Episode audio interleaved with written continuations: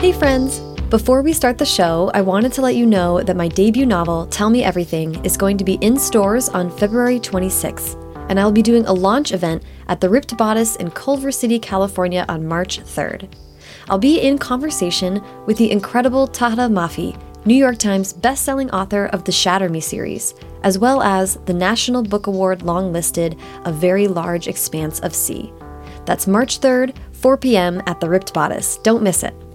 I have a few other events coming up as well San Francisco on March 8th at Books Inc. with Nina LaCour and Jennifer E. Smith, Seattle on March 9 at the University Bookstore in U District with Kendare Blake and Somaiya Daud, Asheville, North Carolina on March 27 at Malaprop's Bookstore with Stephanie Perkins, and Boston on April 2nd at Trident Books Cafe with Katie Cotugno and Sarah Farizan. Check out the events page at sarahenni.com or firstdraftpod.com to find more details and to see the other festivals I'll be hitting up this spring as well. I hope I see you there. Okay, now on with the show.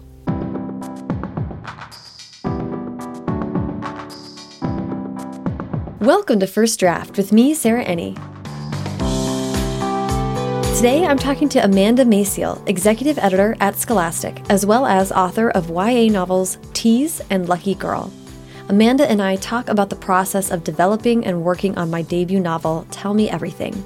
We get into the emotional work of thorough revising and some nuts and bolts talk about the publishing process, which at Scholastic includes fun extra stuff with books and fairs. So please sit back, relax, and enjoy the conversation. Amanda. How are you? Hi, I'm good. Thank you for having me. Oh my gosh, thank you so much for chatting with me. Um, as we talked about, this is going to be a little bit of a different episode mm -hmm. because it's you and me talking about Tell Me Everything. Yes. Hooray! Yay! And I just want to kind of give the listener the chance to hear what the relationship between one author and editor is like Great. and what our process was like. Uh -huh. And I'm super curious to hear a little bit behind the scenes of what you were thinking throughout the whole process and cool. all that good stuff. Yeah. So, but let's start with a little bit of background. Okay. I would just love to hear you kind of catch listeners up on uh, who you are at Scholastic and your mm -hmm. career as an editor to date. Cool. All right. I'm an executive editor at Scholastic. I mostly edit middle grade fiction, but I also do some YA. And the through line is basically like commercial fiction, mm -hmm. which means books that have kind of a big hook, a lot of series mm -hmm. fiction, which sort of intertwined with the big hook thing if it can be extended over a longer story. I started in children's publishing in 2001 at HarperCollins. And there I mostly worked on YA. So actually my background oh, okay. is much more YA. And I did uh, I did a lot of what we called their beach reads. They were these little those rack size paperbacks, yes, like mass romance novels. Kinda? Yes, yeah. yeah. And uh, and we would do a few every summer, and they would be just fun, like books that you took to the beach, and they were the best things to work on. I really loved those. And then when I came to Scholastic, I shifted my focus a little bit more to, to middle grade. It just is a big part of our business, and uh, and sort of became my focus. But I love working on a few young adult novels that are like really passion projects and also that work well for our particular business because every house is a little different and what works best for each house is a little different and scholastic does particularly well with kind of issue driven but maybe what you might call cleaner mm-hmm. ya mm-hmm. and they particularly like a social media cautionary tale. really? Which is a funny term, but uh, but just we find that there's a lot of uh, appetite for that, not only in trade but in the school channels, mm-hmm. in book clubs and book fairs.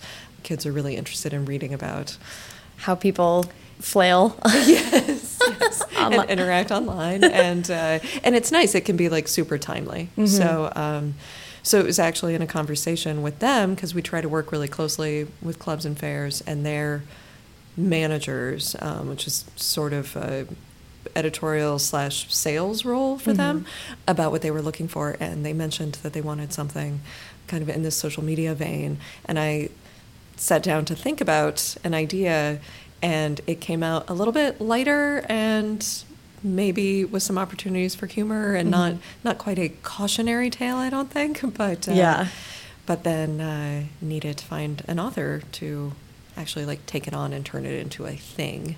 Yes. Okay. Well, let's take one brief sidestep and then come right back to that. Because. I want to make sure we don't miss the fact that you are a writer also. Yeah.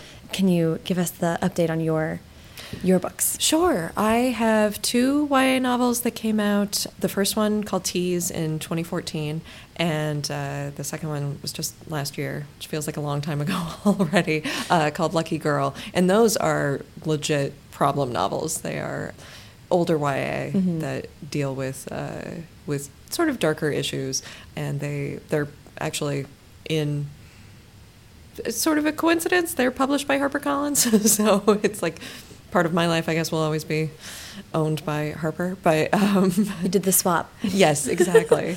but yeah, so I really, uh, I'd always wanted to write more, and I'd written, I'd written for newspapers when I was in college and just out of college, and and when I finally sat down to like try to write fiction, it taught me so much about what I thought. I always thought I was a very author-focused editor, Mhm. if that makes sense, but. Um, but there's definitely a different level of empathy that you reach when you are on the side of like getting the editorial letter that's like, Mhm. I love it, change everything, or Or I hate it, change everything. Right.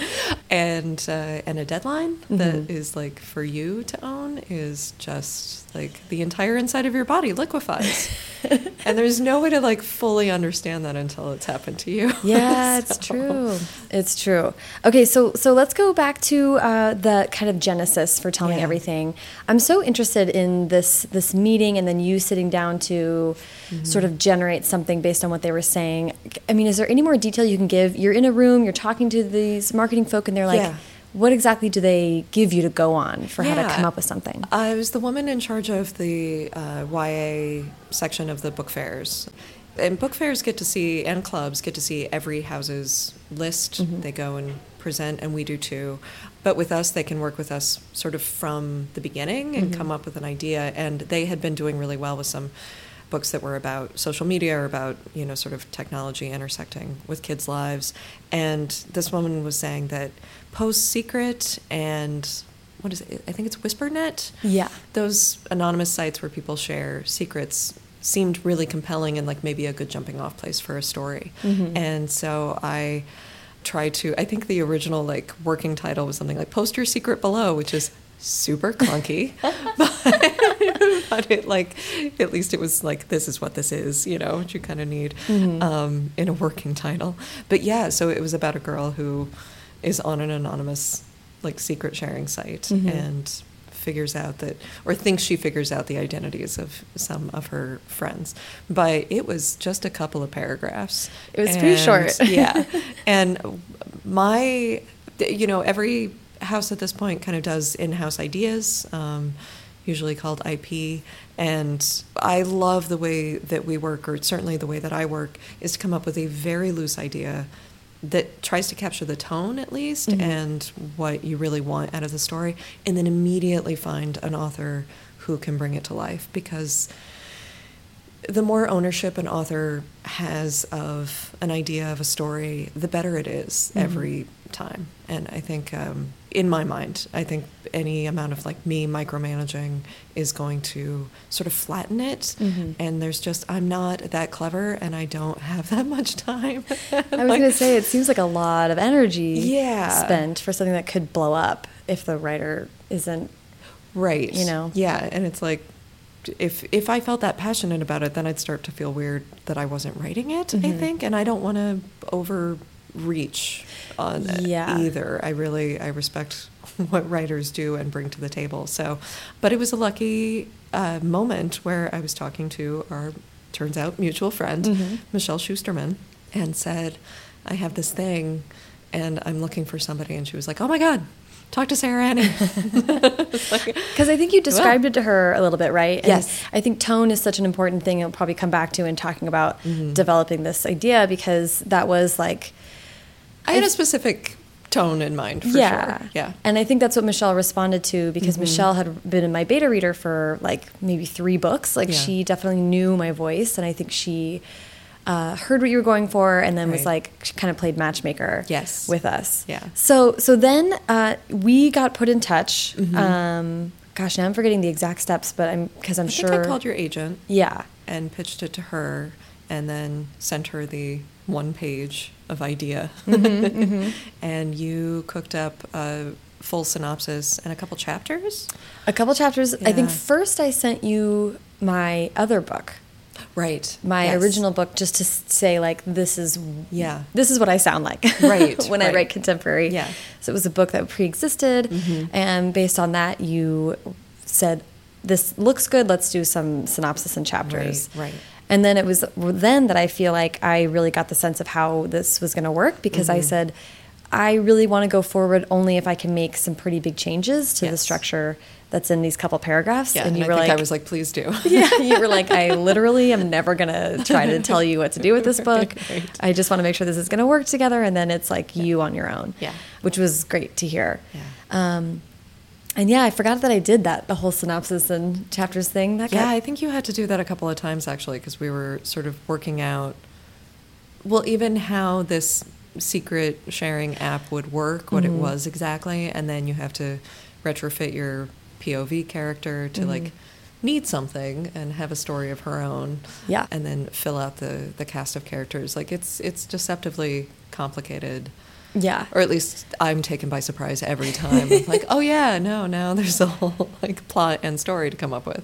it was. Yeah, it was a little. It was wild. So I'm Yeah. gonna try to like walk through. The, it's like the like what they say about giving birth. I'm like, I Right. don't remember it, and now we're going back into it. You're like, it was painful, oh, I- but then it was over. it was very intense. Yes. Um, but I remember that we got to talk on the phone, and I was so Mhm. happy, Mhm. and it seemed like uh, it was going to work great for Right. just like the chance to write this story. I thought it was so interesting. Mhm. And then uh, we, I signed the contract. I know in May 2016, Uh-huh.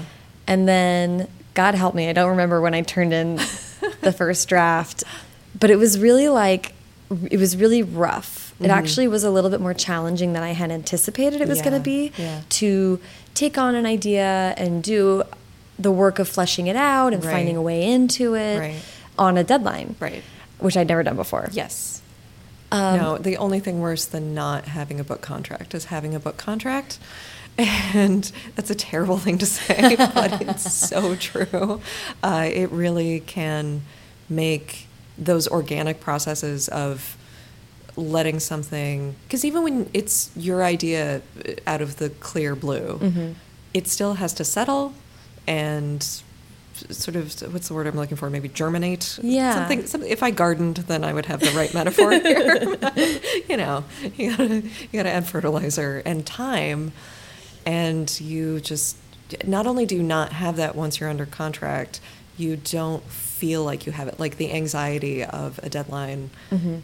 sort of deadens a lot of those creative abilities Yeah. to wait it's really it takes a lot of energy to even recognize that that's happening and then to also overcome it so Yeah. is is a lot of work It was interesting, and it was very. Um, you've always been incredibly patient with me, which I appreciate. yeah well Um, and contemporary i also think it, like deserves to take some time because and we'll get to this too but if you're writing about something that's really relevant Mhm.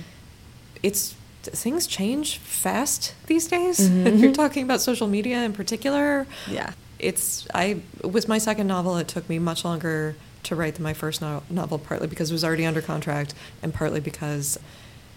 Yeah, no, mostly because it was already no, because I, it hadn't been an idea that was with me for a long time, so it took a long time to come out. But I was so grateful for Mhm. every one of the major slash complete rewrites that I did because with every month that went by, I was like, oh, okay, now I know better than I did a month ago, and I don't like the last five years. I want to say it's really been intense. A lot of like intense social change that has made everybody's writing hopefully better and more self-aware. But Yeah. and not that is not to say that where you started with this book needed that kind of improvement. But I think we both saw as we were working on it that like each time we went back to it, we saw something new. Yeah. In a way that only time can give you that. Yeah, and I mean, we don't like we did to be clear, Yeah. do two complete rewrites. That's true. right? So I remember when I We. came, well, well, so this is kind of what I want to talk about because it was such a unique process. I feel Mhm. like that I I think I sent you a draft, and I, I think probably my lead was like, "Hi Amanda, comma this is garbage." I think I turned in my first draft and was like. I'm like not sure where to go with this, Right. or it was something like this Yeah. is needs to be a jumping off point for Mhm. us. Mhm. And then I actually got to come to New York and see you. Right. I think both times we sat down Mhm. were the were the major drafts. Yeah. And you were kind enough to take me to breakfast, and we just Oh, yeah. like talked for two hours about Yes. like what, mostly what this book wasn't, because I think what was on Mhm. the page was a lot of what it wasn't going to be. Right. That's right. kind of how I tend to. Just to. an important thing to figure out too. yeah.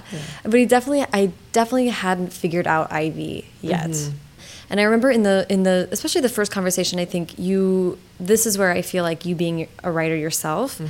was so evident to me because we talked a lot about just like you and you were gracious enough to share a lot of like personal connection to Mhm. Ivy's story that you felt and of some anecdotes from your life that you so, thought sort of related to Ivy's like challenges. Right. We sort of just talked out her emotional stakes because they hadn't really been firmed up yet. right. Um, and that was enormously helpful for me, like Yeah. all those chats. And then I think I just went to Housing Works after and just like sat there and scribbled for a couple more hours and Right. and then got back into it. Mhm. But I don't know how was that was that a process that you've done before? Is that similar or different from how you've helped other writers? You know, honestly, I don't usually have the luxury of doing that. Um, partly because when you edit a lot of series like I do, you always end up a little behind the ball uh, Mhm. and behind schedule. And so it's just a little like, just get the next book out kind Mhm. of thing.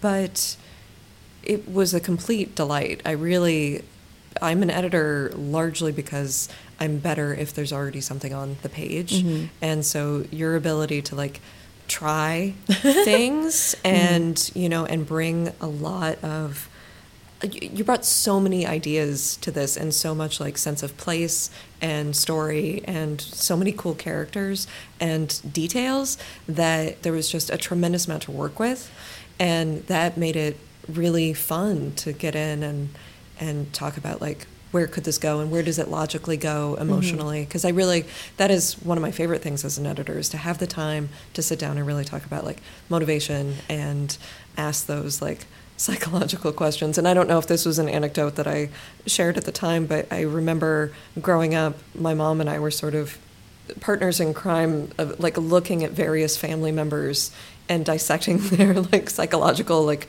what are they thinking and why are they doing that and you know just for some reason we clung to each other in a sea of insanity or whatever not to throw the entire rest of my family under the bus but it was like our favorite pastime for good or bad you know to Right. like kind of talk about other people and try to figure them out and i think i've really carried that with me as far as like well maybe it's this and maybe it's Mhm. that and like and you know to be fair i think everybody does that to a certain degree with the people around them like For trying sure. to figure out like why they're doing what they're doing But I like that you were like, let's examine them as a character. Yes, What's their right, arc? What's their motivation? yes, yeah. That's so funny. Yeah. Yeah, there was there was a lot of that. There was a lot of Mhm. I mean, we talked a lot about your family and Yeah. my family because Yeah. this book really feels like I think Ivy's it took a long time to figure Ivy's parents out and Ivy's home out. Right. But I think that's because there was so much there. Yeah. Once we've one that, that was like the third and final draft was like Harold, her best friend, clicked into place, Mhm. and her parents really clicked into place yeah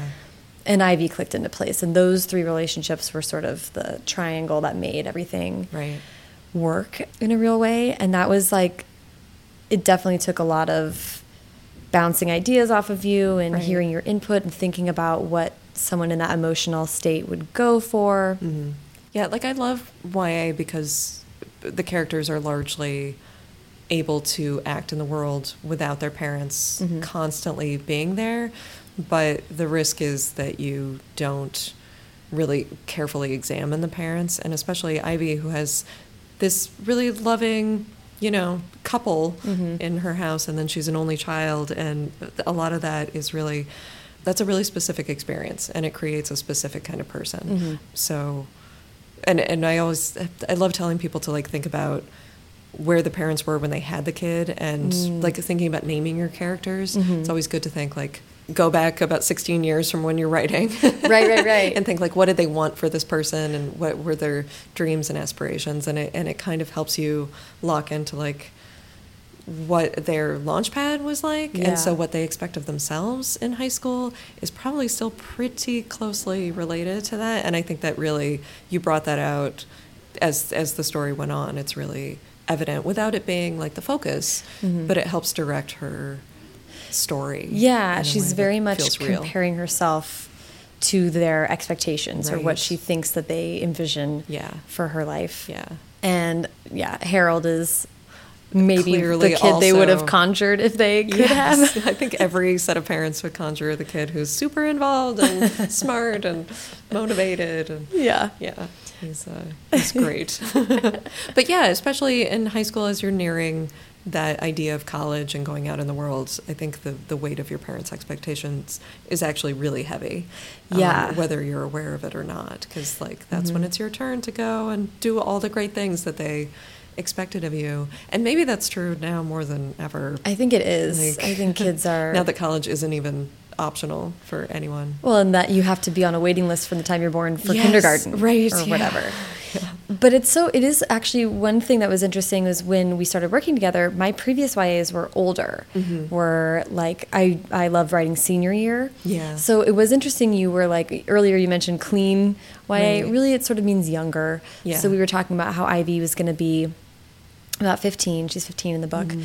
And that was my first time writing that age group, which is so different. Yeah. And I think then I was like, you, Harold is, is so involved, and he's so. I sort of used him as this way to bring the challenges of the future Right. to her, even Right. even though she's still only a sophomore. Yeah. Her fr best friend Harold gets really freaked out about college, and so he's acting like it's happening tomorrow. Right. And she's all of a sudden being that's being put in her face, and she's realizing like I'm not ready for this. I Yeah. don't know who I am. I don't Yeah. know where I want to go. Yeah. It's like a false crisis. Right, right. Yeah, because you're still relatively protected sophomore year, although all that PSAT stuff starts then, and Yeah. some of the prep stuff. And you're, I think you're supposed to start getting college like pitches then. Oh, boy. I don't know, but but Ivy also has a nice amount of independence and that you know you set it in this idyllic Mhm. small town by the ocean and she's got a bike that she's you know able to uh, transport herself with and then also having friends with cars it's like Yeah. that is a good turning point 15 16 when suddenly the world does kind of open up It to does, you and of course she's got her art and her secrets and like Mhm. that Yes. she feels uh, she feels individualized in in a very real way, but also in a way that's that challenges her to figure out Mhm. how to act. Yeah. Well, and kind of what you're talking about are some of the details, right? Like I do think you mentioned in the first draft that makes me happy because that is like was my my thing. I turned Yeah. in a draft that was mostly just like weird random ideas for like I knew the town pretty well because I based it on a book that I based it on Santa Cruz and I'd written about Santa Cruz before in another book. So I was super excited to jump back into that setting and bring that to life again. But then uh, the social media app, I think, was the first thing that just it worked. I Yeah. I think I was able to find something that was going to function in the story pretty well. Right. And then had a lot of fun coming up with what the posts would be. Mm-hmm. Uh, so there was just like a hundred posts in there that were so random. So basically, I just gave you a lot of chaff. It was just like a bunch of random stuff, and it was not necessarily connected through with an emotional through line yet. Right. Is that like typical of a first draft that you see, or is this a typical kind of editing experience? Um, you know, it depends. It's I would say it's more typical of something like this where it's like in-house idea driven Mhm. because that does take a minute to to pull out the story because often the in-house idea is like this one where it's like we want social media and problems and you know and I think that I I think the the main idea said that Ivy didn't want anybody to notice her and so that's the secret sharing app kind Mhm. of thing but other than that there wasn't a lot there so it so it depends on the author you know Mhm. so sometimes people will write a lot of dialogue and not a lot else or Right. you know i actually i i love the talking about the emotional stuff and the relationships so much that i really loved working with you bringing all of the setting and details in because that's not something that I'm particularly, and it's also not something that as an editor I can do for somebody else. Right. Like that takes a lot of concentration and like a quiet room, Yeah, neither yeah, of which yeah. I have at work. So um, I would say that there is no typical way to work on a on any novel, Mhm. but it certainly was not. Uh, let me put it on the official record that there was never a moment of being like, "Oh my God, I can't believe!" Like there was. Oh, thank it was not like unusually anything. it, was, it was unusually creative, and and you brought a lot, but it wasn't. Uh, I, I was not concerned at any point. Okay, and good. frankly, as soon as Michelle was like, "Get Sarah Enni," I was like, "Done." she signed up. so That makes me happy. I had faith from the jump. But that said, I think revising is its own skill utterly apart from writing Mhm. and and it does not always come with somebody who can get a draft down that's that's good Mhm. but maybe could be better not everybody is able to to do that Mhm. and to watch the revisions come in and some of them were rewrites and some of them were revisions and they were all better and deeper and just and everything that had been there in the beginning that was good was still there at, to the point where sometimes I would have to like do a check for a character name or something because I'm like, well, they've been there all along, and it's you know like it, it didn't feel like anything was ever missing. It Mhm. just felt like things came into sharper focus over and over, and it was just really, really remarkable. And Oh, I have to say, like that is a, a truly distinct quality in certain writers that I've worked with, and it was uh, just it's a pleasure to work on books like that. I Yay. really love it. It's like, oh my god, look at this! Look Well- at what she can do. well, thank you so much. Yeah. It was a really challenging writing process, but I only mean that in that it was being on deadline and, Mhm. and being like, it was just a new experience. And Yeah. so it was like once I found it, it was satisfying right. in a really, really intense way. Because it was like, Yeah. oh, this was such a mountain to climb, but we did it. Mhm. It was like probably two major rewrites, I remember. And then, uh, yeah, when the, and we did have to bump a deadline, I think, or Yeah, we moved seasons, and but that was the that's the thing. I know from your end, it was like there was always a deadline hanging over your head, which is just again having a book under contract. It's like it's it's that Sunday afternoon feeling when your homework isn't done, but Oh, always, yes. which is So real. which is hard. But it was it wasn't a problem to like shift it in house and, and give it a minute to to sh- to come into focus. But it's also one of those things where like on the editor side of the desk, I'm like, oh yeah, we just moved seasons, and I know on the author side of the desk, it's like, but that's so far away. I just want to finish this and like put it into the world. Um, I've so- had yeah, I've had other friends had to do that, and sometimes Yeah. it's really devastating to get moved a season, especially Mhm. if you had your heart at set on one time, or Right. if you have a real preference for what season you're out in. Mhm. I just know for me, it got to I think it was like bearing down on that second rewrite, and I and when you were able to give me that time, I was so relieved. Yeah, yeah. it was like truly a gift, Right. and it really did give me the space to actually find her real story Yeah. and to get much more acquainted with these characters Right. and your support the whole time was like incredible. Well, you were the one who kept the enthusiasm level at like a nine or ten the entire time, which was amazing, given how much work you put in on it and and it taking that time. That like, because that's the that's the really hard part is staying like emotionally available for this story. And I'm so glad that we managed to find something that kept you engaged Mhm. and happy to be working on it because there's there's a lot of just keeping yourself going back to the desk and Mhm. interested and not losing faith in the process and that it will work out eventually. Right. Yeah. Right. Well, and that's like I don't want to make you say that you've read that before, but I'm sure that when you read I feel like sometimes I read friends' drafts and I'm like, you didn't enjoy this round. Right. you know what I mean? Like sometimes Yeah. the words don't have that like zing of joy. It's just like Mhm.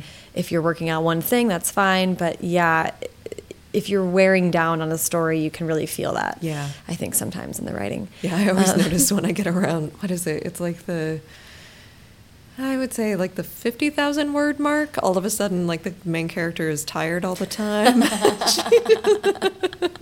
She just I'm goes to get ice cream "No, wait, often." I am tired all the time. I always have to, at some moment, I have to. It's also that moment where you're like, maybe this is all terrible and I have to rewrite the whole thing. So, Yeah, 50 50,000 is a mark. Yeah. And the middle is never fun. No. But at 50,000 Somewhere between you're- 40 and 50. I don't want to give the impression that like YA novels should be longer than 70 if they're contemporary, but but yeah, somewhere around that that point you're like, "Oh, maybe this is all crap." And also why won't my main character get out of bed? I'm concerned. Yeah. Yeah. I mean, in editing it and fine tuning it, Mm-hmm. it's funny because I felt like you had this really personal connection to the story. yeah. And I don't I don't know how much that's true or not, but when we did sit down and talk, it was funny because I felt like writing IP was a challenge for me a little bit just to think like it's my idea, it's not my idea. Who cares about it? Who doesn't care about it? And that was just a lot of the like me making myself anxious, Yeah. um, brain stuff. Yeah.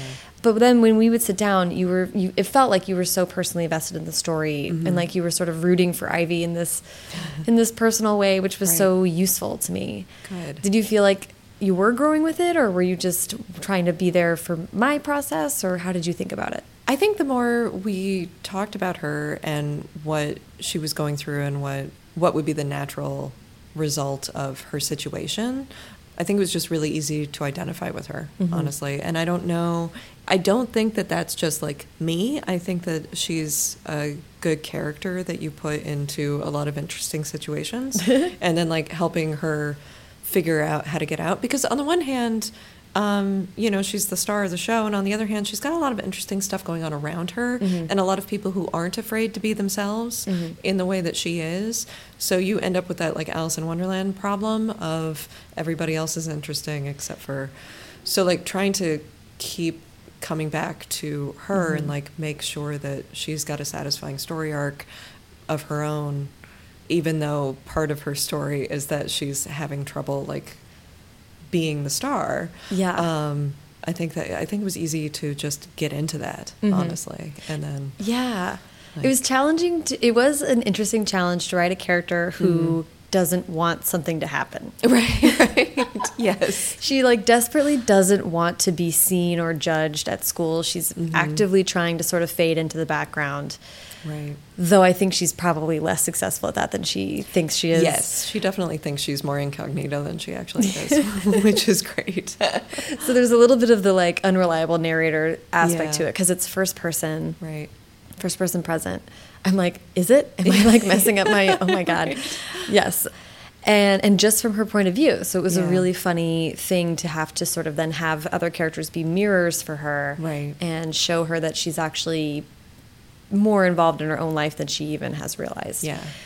and more obvious to the people around her than Right. she thinks she's being. yeah yeah and i think that I've, I've said this a lot about being an editor there is a certain amount of it's nice to be the invisible one Mhm. but you really have to remember how much responsibility you have and how much you are affecting people around you Mhm. and that was another thing that i noticed when i was on the author side of things of your relationship with your editor i think that i've gone through a lot of my career being like i'm important but not that important kind of thing you Mhm. know and i'm like no it's this is a re- it's like you gotta step up and be there and i'm also a parent now and and you know in like romantic relationships there's a certain amount of if you think you don't really affect the people around you it kind of lets you off the hook in this way that's not Mhm.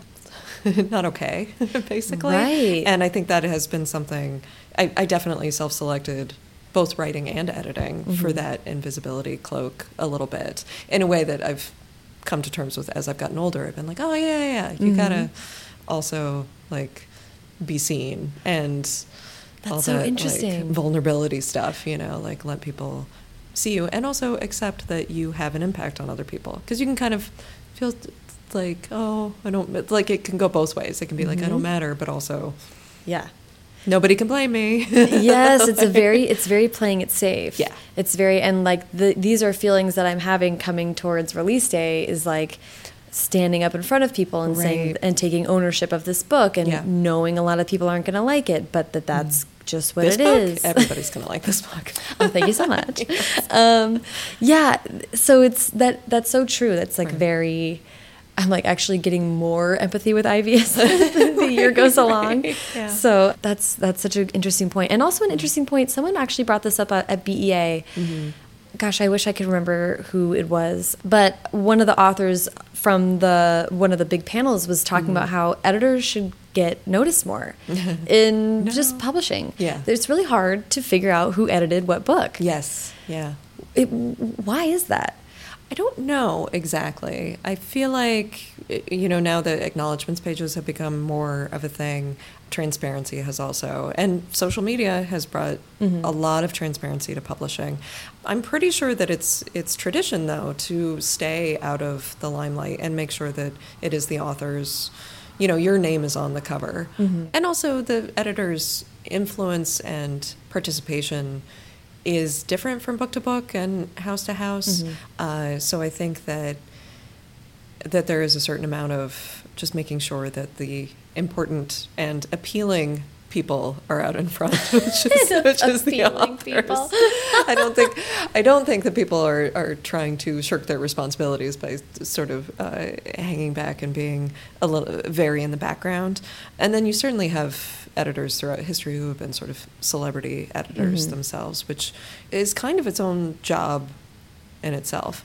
So Well, you work here with David Levithan, Right, yes. a big deal on, on like many levels. so, Exactly, yeah. exactly. So that's a that's like a whole different career path almost. Yeah. But I think certainly early in my career, it was a little bit like, well, now I'm just going to get more slush mail if people tell people my name. um, but uh, but now with with Twitter and everything, I think it's it's a little bit more open in a way that is kind of fun. Yeah. Um, but uh, Well, it's, I mean, like, I don't know. To me, it was funny to even realize that it wasn't on, you know, what's that called, the opening page with the designer and the ISBN page Right, number. And right. It's like, oh, would just, wouldn't it be lovely to have everyone who worked on it be officially listed somewhere? Yeah, well, and some imprints do that. Okay. And I feel like the graphic novels that I've worked on do that. Cool. Uh, with the graphics imprint here at Scholastic. And I want to say that Arthur A. Levine books maybe does that too. So my impression has been it's like if it's if it's a fancy imprint, Then they'll- go then for they it. list everybody. Um, that is so interesting. yeah. Okay, then the the other thing I want to talk about is writing social media on the page because that was Mhm. kind of a wild Yeah. to try to make that interesting. And uh, right before we started recording, we were talking about Emergency Contact, uh, Uh-huh. the book by Mary H.K. Choi, which Mhm. is so lovely, and I thought did a really good job of incorporating. I mean, the cover is the two kids texting, know, yeah. which is most of the stories. Yes. falling in love over a text message, but it was so engaging Right. and funny. But I thankfully I read that after because I would have been so intimidated Right. um, writing uh, Veil. Veil is the, what we call the social media app. Yeah. And it was really funny to set out and be like, how are we gonna? How am I gonna make this something that she's she's just looking at her phone a lot of the time? Right. But what does it mean to her? What is it making her feel? Mhm. How is it making her think about the kids around her? Yeah. I don't know. It was. It was also very prescient because you picked a scenario that's most like, and it's basically anonymous Instagram, anonymous local Instagram. Yeah. And I, you know, in the couple of years that we were working on the book, Instagram has definitely risen to the top with the youth. Yes, it is like the preferred, thing, and also with myself.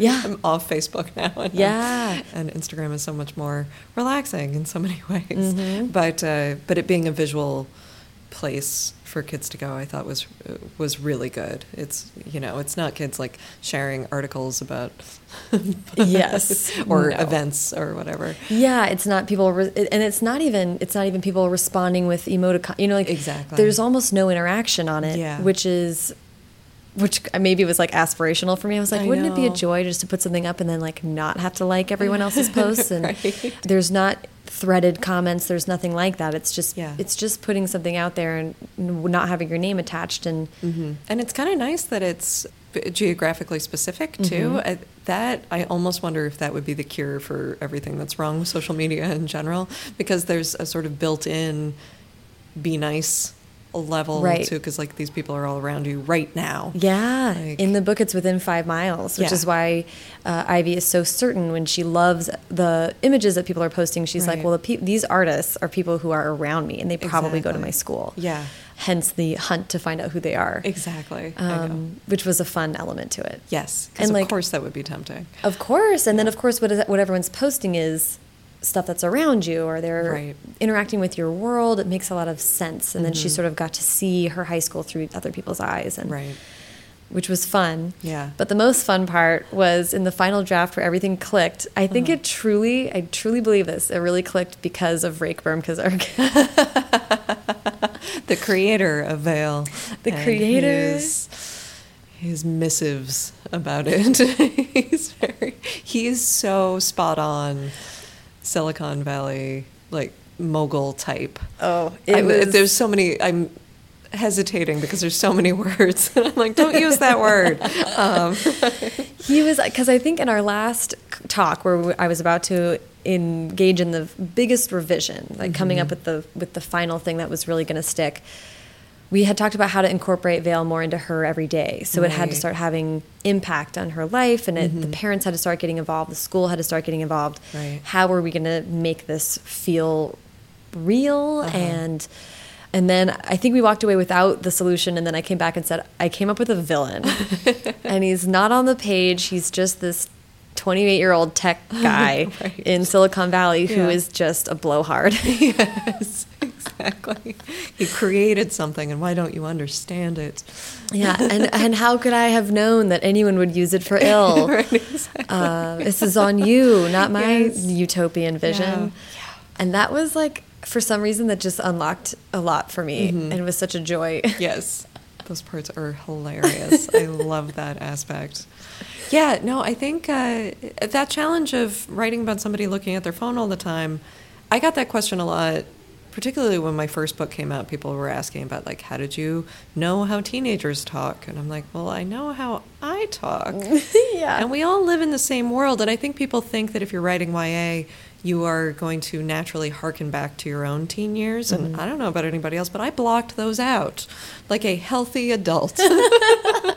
Like, but I still act like a teenager, like a not very healthy adult. But I, I really like. I'm constantly on my phone and on social media, and I know how it affects me, and I know it would affect me much more, probably negatively, if I were younger and more sensitive. Um, but it's still pretty like intense, and I think the the level of FOMO that you can incur very quickly is tough, and and it makes it a little easier to write about, I think, and to channel Yeah. those feelings um, because we're all living in that world together.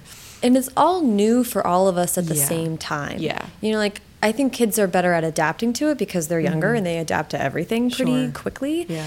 But we're all new at the internet. Exactly. It's truly not old. Yeah. So there's and a we're not all- leveling. all, of us over what 30 are not walking around like this is different than it was. Like you just you roll with it and then it becomes your world. Yeah. So and iPhones are what 10 years old now. So yes. And which just is a long time and no time at all. I honestly I get more irritated with stories where somebody conveniently loses their phone or throws it away or I mean sometimes I really enjoy that, but that can be good. But sometimes it feels like it's just done for convenience of Yeah. the story so that it doesn't have to be dealt with. Mhm. And I think like anything else having parameters can help shape a story. Like you got to use the fences that you have. Yeah. And uh, and too much freedom is actually not the best thing for No. for narrative, yeah, you, you Yeah. need a fence of some kind to Yeah. build. To, especially in contemporary. I think. Yeah. Like it seems like there's it seems like there's no world building because it's not fantasy, but in fact there is plenty of world building. there's so much. Yeah. My book has a lot of world building Right. and a lot of random silliness about where she lives. yeah. Which I, yeah, at the last draft, I was like, do we need this? Yeah, no, Yeah, we need it just because no. it's fun for me. exactly. Also, you do a great job of. I, I feel like there are a few authors I know, not necessarily all people that I edit, but people that I really enjoy reading because their characters like go out and do stuff, Mhm. and I really like that. It just always feels like, oh yeah, you could go to a place and there'd be things to do there, and. I don't know what it, I'm like. I think maybe I just don't have any hobbies other than like reading and watching TV. No, it is- So I'm always impressed when like the characters get out of the house and like go do a thing. Isn't that Oh, funny? Is fun. I'm like, because I'm Instacarting my like yogurt to my door, Right. my LaCroix directly to me while I'm like, Ivy hops on her bike and Right. goes down to the pier and takes pictures of mariners. And it's like, well, I'm not doing that. I know. That's so true. Yeah. Aspirational imagination. Exactly. Then, just uh, uh, as a matter of interest, and so because this is a conversation that not a lot of people get to have Right. um, with editors or a little bit behind the curtain kind of stuff. Once I turned in that last draft, Right. uh, then we did copy edits, and my copy edits were actually pretty intense. I sort of treated that as another revision. Yeah. Um, but it was, I felt like really got it where it needed to be. It just sort of Yes. to cross the finish line Totally. at that and they stage. weren't your copy edit changes weren't that crazy. okay, good. Yeah. they were good. You took it seriously, which is good because that is the last chance to really make extensive changes because mm-hmm. it's still a Word doc with track changes and Yeah. that's easy. But it wasn't. Again, this was not like I didn't sit back like I've never seen the likes of. throw your computer. Um, well, that's good. Then we had uh, that was copy edits. Then we had first pass pages. right. Then Which is when it gets put into the typeset font and like starts to look like a book, and all the and the design of the interior pages is uh, is created or in the process of being created. yes, and So- this was around the time when the cover, when at least I was getting to look at the cover, which was so exciting. Mm-hmm. Yes. you guys did the best job ever. Really fun. And the first pass pages were stunning too. It was so Yeah. cool to see how someone else had already put so much thought into how the reader was going to interact with the book. Yeah, the designer Nina Goffi has brought so much to this project and really like so much care and love and detail. It's really incredible. It's amazing. Yeah. I'm beyond psyched to to see the final version. We're not there yet as of this recording, but Maybe there's a lesson to be learned of write about artists if you want your book designer to be really into it. that's actually not bad because Nina did tell me she was like, I related to her so much. And I was like, oh yeah, that makes sense. That's so funny. Yeah. Then where does the process go from here? For you, you're looking at Right. Mm-hmm. we're about eight months away as we're recording this from publication day. So what's your relationship with this book going to be through the next few months? So now it's with at least one proofreader. And while you were looking at typeset pages, a proofreader was also looking at them at the same mm-hmm. time. So, so I got the proofreader set back, and I got your changes back, and I wrote them into what we call the master set. Mm-hmm. So that's a good moment for me to sort of respond. And unfortunately, it's it's a moment as an editor that I just do on my own sometimes and forget to loop the author back in. The author will be like, "What do you think of this?" And I'll be like, "I like it," and I'll I'll make the change. it's like a closed loop. Um, but, but it is a good moment for me to, and then I look over the proofreader changes, and if they've got queries, I think they actually queried something that I then came back and asked you about, but generally it's stuff that I can answer. And then it goes to another proofreader while th- th- those changes get incorporated. And at that point, I collect any loose ends from you, like acknowledgments or whatever. We continue to work on the cover. Uh, the designer will route a mechanical, which is just the the flat printout of what the cover, what the jacket will look like. Oh, yeah. I actually was just looking at the Bound Galley mechanical, um, which looks different than the jacket of it, partly because it's paperback and like the copy has to be a little shorter. And, Mm.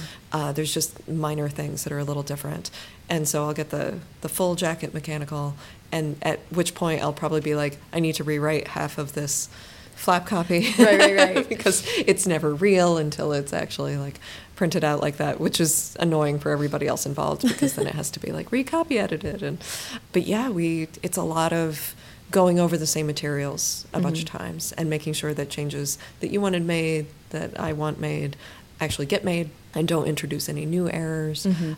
And we will get probably we'll get ARC's advanced reading copies or bound galleys in a month or so. Oh, I wow, want okay. say hopefully July, August-ish. Amazing. Um, and we'll send those out to everybody who wants to read one. Um, well, not everybody, everybody, but as many people as we can.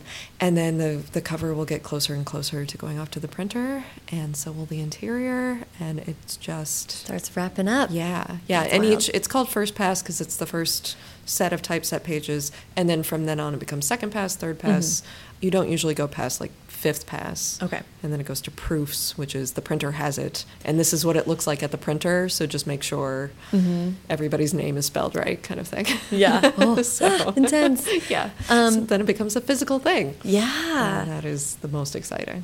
Wild. Yeah. And you touched on this a little bit, but I'm uh, to whatever extent you feel comfortable talking about it. I'd love to hear a little bit about. I know Scholastic has the unique interface with book clubs and fairs, Right. Because all along this process, you've been talking about there are set meetings for.